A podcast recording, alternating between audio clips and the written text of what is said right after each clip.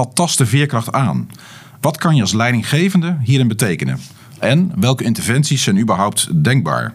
Daarover gaan we in gesprek met Danielle van Gurp, oprichter van trainingsbedrijf Team Heartbeats, en Robert Wondaal, Chief Commercial Officer bij Robidus. Van harte welkom.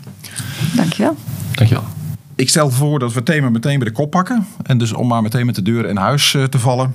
Is er eigenlijk iets mis met de veerkracht van Werkend Nederland? Danielle, zou je iets over willen zeggen? Ik denk dat wij een extreem veerkrachtig volk hebben in Nederland. Dus als je vraagt, is er iets mis? Dan zou mijn antwoord nee zijn. Um, maar wat ik denk is dat de uh, prestatiedruk, de, de drang naar controle, uh, dat die zo is toegenomen. Kijk naar corona bijvoorbeeld. Um, maar ook überhaupt, um, ik ben geboren in de jaren 80. En er is een boekje geschreven in de jaren 70, zeg maar vergelijking van de jaren 70 met nu en hoe we onze kinderen opvoeden. Um, en ik heb zelf kinderen, zijn 7 en 11. En in de jaren 70, 80 mocht je gewoon vijf kilometer van huis zonder dat er iemand, dat je ouders zich daar ongerust om maakten. En daarna dachten ze: oké, nu moeten we misschien eens gaan kijken wat er gebeurt. En als ik naar mijn eigen kinderen kijk, dan is dat tegenwoordig zo'n tussen de 250 en 500 meter voordat we ons druk gaan maken. Waar ze zijn en of ze nog wel doen wat ze zouden moeten doen. Heet het ook niet de curlingouders? Ben je dan ook een curlingouder? Ja, nou, ik doe mijn best om dat niet te doen. Maar het is dus blijkbaar, blijkbaar wat je dus dan toch doet. En um, nu ben ik me er bewust van, dus ik probeer ze nog even vrijer te laten. Maar, maar ik je denk zegt wel, eigenlijk de veerkracht is gemiddeld groot van werk in Nederland, maar Ja. de druk en de omgeving is best wel ingewikkeld geworden. Ja, er is telkens meer drang naar uh, controle. En nou ja, wij zitten vooral in de zorg. En als je daar kijkt, dan is de prestatiedruk gewoon enorm toegenomen. Dus de systemen, we leven natuurlijk nu in een, in een datawereld, wat ons heel veel oplevert. Maar die systemen maken ook dat je superveel controle uitoefent. Dus nou ja, in de thuiszorg bijvoorbeeld is nog maar 21% gaat naar de patiënt. En de rest is het invullen van alle systemen en bijhouden van wat er allemaal gebeurt. Dat lijkt me dan haast een weeffout. Maar ik kan me wel voorstellen als alles zichtbaar is dat het ook een bepaalde druk kan opleveren. Maar ook weer misschien een druk die je zelf moet reguleren. Wat je dan ook uh, laat indalen op je. Robert, hoe, uh, wat, hoe staat het wat jou betreft met de veerkracht van werk in Nederland? Wat zie jij? Ik, ik schrik hier wel van dit soort, uh, dit soort percentages. Maar ja, ik ben ervan overtuigd dat, dat wij inderdaad wel heel veerkrachtig volk zijn. Maar dat ook wel echt een enorm beroep op onze veerkracht uh, gedaan wordt. Want we rollen natuurlijk van de ene crisis in de andere crisis. Nou, dan zijn we eigenlijk van corona af. En dan dient ze natuurlijk weer de, de volgende crisis in de Oekraïne aan. En daar, ja, dat vraagt wel wat van, van ons, van hoe wij zeg maar, met onze omgeving omgaan, hoe we met ons werk omgaan. Uh, nou, ik, denk wel dat als ik het vergelijk met een paar jaar geleden nog maar, dat, dat dit wel uh, steeds extremere mate lijkt, uh, lijkt te worden. En ja, de vraag is een beetje hoe je er zelf mee omgaat, denk ik. Maar de, de mensen beginnen daar wel steeds meer last van te krijgen, is mijn gevoel. Ja, misschien moeten we nog één stapje terug zeggen. Want we, we gebruiken het woord veerkracht. Hè? Maar als het woord, wat, wat is eigenlijk veerkracht? Hoe zou je dat zelf omschrijven? Wat, Nou, waar, wanneer ben je veerkrachtig? als je goed kunt terugveren naar een eh, veranderende situatie. Dus als je goed ehm, ja, terug kunt veren naar wie je eigenlijk bent. Eh, ik vergelijk het vaak zelfs met ehm, die poppetjes die je hebt met zo'n veertje onderin, met zo'n hoofdje bovenop die je kan indrukken. En dan springt hij naar boven als hij nog heel veel veerkracht heeft. Wij zijn in Nederland het enige land wat een apart uh, woord daarvoor hebben uh, bedacht. In het Engels is het resilience, Frans resilience. En wij noemen het veerkracht. En dat omschrijft het eigenlijk heel erg goed in de kern. Want je hebt kracht nodig om terug te kunnen veren. En als je die kracht niet meer hebt, dus die veer die, die komt telkens minder op spanning te staan, dan kan hij dus niet meer terugveren naar je normale staat van zijn. En dan kost het energie. Ja. Jij bent een heel bureau gestart, hè? Ja. Team Heartbeats Ja. uh, is de naam. Ik ben wel benieuwd, hoe, wanneer ben je ermee begonnen en waarom ben je ermee begonnen? Wat was, was er een concrete aanleiding? Was het moment dat je zei van, nu is er iets, heb ik een thema bij de, de kop waar ik iets zelf ik, in, in kan betekenen, iets wil betekenen? Ja, we zijn in 2019 begonnen, net voor corona dus. Uh, nog niet wetende dat corona kwam. Um, en de aanleiding, of eigenlijk de inspiratie, was mijn uh, collega en goede vriend Niek. Uh, Niek van den Adel. Hij uh, zit sinds elf jaar in een rolstoel, heeft een hoge dwarslesie. En hij spreekt daar nou ja, nu al tien jaar, dus toen acht jaar in de zorg hoofdzakelijk over veerkracht en um, ja, hoe je dat kunt verbeteren. En wat hij zag in die jaren op het podium als keynote uh, speaker, is dat de veerkracht in de zorg telkens meer nodig was. Ook weer vanwege die druk op het systeem, uh, dat die telkens zwaarder en heftiger werd. En hij kreeg na die inspiratiesessies op het podium, dan had hij mensen echt emotioneel geroerd, geïnspireerd. En dan kreeg hij vaak de vraag van de directie: van kunnen jullie alsjeblieft niet ons helpen om hier nog verder mee te gaan? Ehm, en daar is eigenlijk Team Heartbeats uit ontstaan. Dus, en, en, ehm, welke kwaliteiten kwamen dan bij elkaar? Omdat je zegt, we gaan nu een, een bedrijf beginnen, een trainingsbureau. Ja, ik ben bedrijfskundige. Mijn achtergrond is bedrijfskunde. En ja, mijn missie is om mensen in beweging te brengen. Uh, dus elke kleine stap, of dat nou fysiek, mentaal of emotioneel is. Uh, ik geloof erin dat je, ook al maak je een klein stapje, dat je daar dan door kunt groeien. En Niek is gewoon een hele goede artiest. Dus die is heel goed in de inhoud en de inspiratie.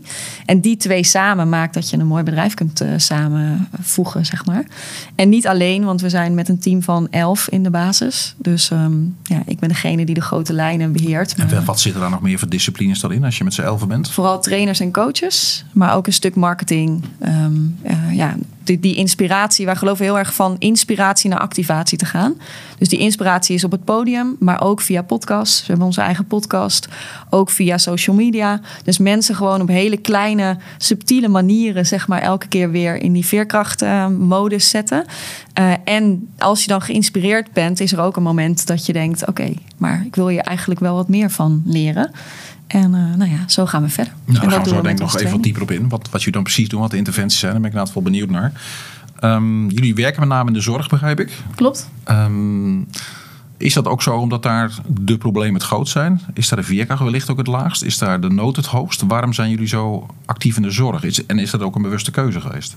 Ja, het is een bewuste keuze geweest. Dat is waar onze achtergrond ook zit. Niet die van mij, maar wel die van mijn eigen tweelingzusje Marlene. Die ook uh, partner is en Niek. Uh, dus, de, dus dat was al waar de jeugdzorg, thuiszorg, ouderenzorg, um, ziekenhuizen, gehandicaptenzorg, dat is de taal die wij spreken. Dus vandaar dat wij daar heel erg. Uh, uh, ja, dat dat onze branche is. Maar als je kijkt naar veerkracht, ook binnen de zorg. We hebben een samenwerking met Integron, dat is een onderzoeksbureau. We hebben begin dit jaar een onderzoek gedaan naar de veerkracht en het werkplezier en de werkdruk van um, uh, mensen binnen alle branches. Dus niet alleen de zorg en het onderwijs, maar ook uh, retail, uh, industrieën. En daaruit blijkt dat in de zorg de mensen eigenlijk het meest veerkrachtig zijn. Uh, dus zij hebben al een bepaalde vorm van zingeving.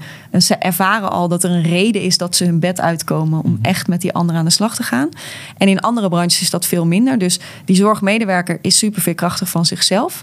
Alleen wat je ziet, weer terugkomt op die prestatiedruk. De druk op het systeem is zo extreem hoog. En ik denk dat iedereen uh, nou ja, het voorbeeld van corona uh, goed voor zich heeft. de druk is zo hoog uh, dat ze daar bijna niet meer in kunnen blijven staan. Hoe veerkrachtig je ook bent, uh, dat wordt alleen, ja, de druk wordt eigenlijk alleen maar erger. Uh, er is een groot tekort aan mensen, natuurlijk niet alleen in de zorg, maar in alle branches. Maar de patiënten worden niet minder. De, we worden alleen maar ouder. Dus alle kinderen die nu geboren worden, die worden, alle meisjes worden gemiddeld 100, tussen de 96 en de 100 jaar oud.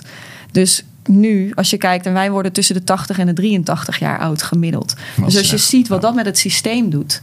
En met het zorgsysteem en met de ziektekosten, dan moeten daar gewoon dus heel veel mensen bij. En die zijn er nog niet. Uh, dus ja, en zo ervaren ze het echt niet zelf. Want we hebben bijvoorbeeld in corona, de laatste, laatste golf, hebben we in het UMC Utrecht een project mogen doen, Lucht je hart. En dat was op de IC, op de corona-afdelingen. Uh, daar mochten wij gewoon zijn als coaches, zeg maar, om mensen hun hart te laten luchten voordat ze naar buiten, naar huis en dat dan dumpen bij hun gezin. Uh, dus dat konden ze dan nog even lekker bij ons kwijt. En de gesprekken die daaruit kwamen waren eigenlijk: we hebben jullie niet echt nodig. Het gaat eigenlijk wel goed. Maar toch wel lekker dat je er even bent. Dus, um, dus het gaat niet dramatisch slecht met die medewerker in de zorg. Sommigen natuurlijk wel, maar de meeste niet. Alleen, ja, ook zij hebben ergens een grens. En zit er nog verschillen ook weer binnen de zorg? Hè? Ik bedoel, de zorgsector is natuurlijk ook weer giga. Je hebt cure, je hebt care, je hebt allerlei soorten zorg. Zijn er ook nog weer verschillen in, in veerkracht of in problematiek allicht? Uh, ja, tuurlijk. Als je op de detail kijkt wel. Maar wat wij zien, als je breder kijkt... dan is de medewerker vooral heel goed in voor de ander zorgen. Dus dat is een reden waarom je de zorg in bent gegaan ooit. Omdat Ja. je een wens of een droom had om goed voor die ander te kunnen zorgen. En daarmee is het altijd vaak wat lastiger om voor jezelf te zorgen. En dat laatste, ja, als dan in de jeugdzorg. Marlene is, eh, dus mijn tweelingzusje, is tien jaar geleden uit de jeugdzorg gegaan. Omdat de druk zo hoog was. En ze toen helemaal in de nieuwe transitie van de jeugdzorg gingen. En het idee was dat het beter werd. En kijk nu tien jaar later. En het is eigenlijk alleen nog maar erger geworden. Je bedoelt trouwens de, het, de overheving naar de gemeente. Ga naar de wat toen gemeentes, gaande, ja. wat toen gaande was. Ja, omdat de wens was om dat dus te optimaliseren. En deels is dat gelukt, alleen op heel veel gebieden niet. Dus de druk is nog net zo erg of erger dan toen. Ehm, en dat zie je eigenlijk binnen alle. Dus ook bij nou ja, GGZ. Als je dan nu kijkt met corona en je mag geen bezoek ontvangen. Ehm, mensen moeten in dat huis blijven, mogen niet naar huis. Eh, wat er dan gebeurt, ja, dat is gewoon eh, ja, belastend voor iedereen. Lijkt me leuk om daar zo nog wat, wat dieper op in te gaan. Wat jullie dan kunnen doen in de zorg om die veerkracht dan toch op peil te houden of wellicht zelfs te versterken. Eh, Robert, eh, waar ik dan ook wel benieuwd naar ben in jouw geval. Hè? Jij komt als het goed is op veel plekken, op veel, in veel sectoren. Zeker. Eh, jij schetst net een, eh, ja, een beeld van de zorg. Hoe, hoe, hoe staat het met de veerkracht in andere, in andere sectoren? Wat zie jij? Wat hoor jij? Nou, ik denk dat in alle sectoren wordt er een steeds groter beroep op, eh, op veerkracht eh, gedaan. Eh, je ziet alleen dat het niet allemaal zo breed uitgemeten wordt. Je ziet natuurlijk als je nou ja, de media erop naslaat, zie je eigenlijk vaak twee sectoren die, die naar voren komen. Zorg op één en onderwijs eigenlijk op, op twee. Ik denk dat met name ook met personeelstekort natuurlijk daar te maken heeft. Want ja, als je personeelstekort, enorme werkdruk, kwaliteit, wat, tenminste waar hoge kwaliteitseisen gesteld worden. Ja, ik denk dan, zeg maar, je, je veerkracht wordt dan wel uitermate op de proef gesteld. Want je moet je veertje continu gespannen houden. En ik denk ook wel dat het met die beroepsgroepen te maken heeft. Dat je, eh, jij zei net al heel mooi, hè, Daniel, dat ze, ze, ze doen vanuit een passie. Je bent aan het zorgen omdat je nou ja, dat graag wil. Hè, dat zit in je. Ja, je hebt niet alleen zorg voor je patiënt, maar vaak wordt ook door je omgeving dan nog een beroep gedaan. Hè, mantelzorg of wat dan ook.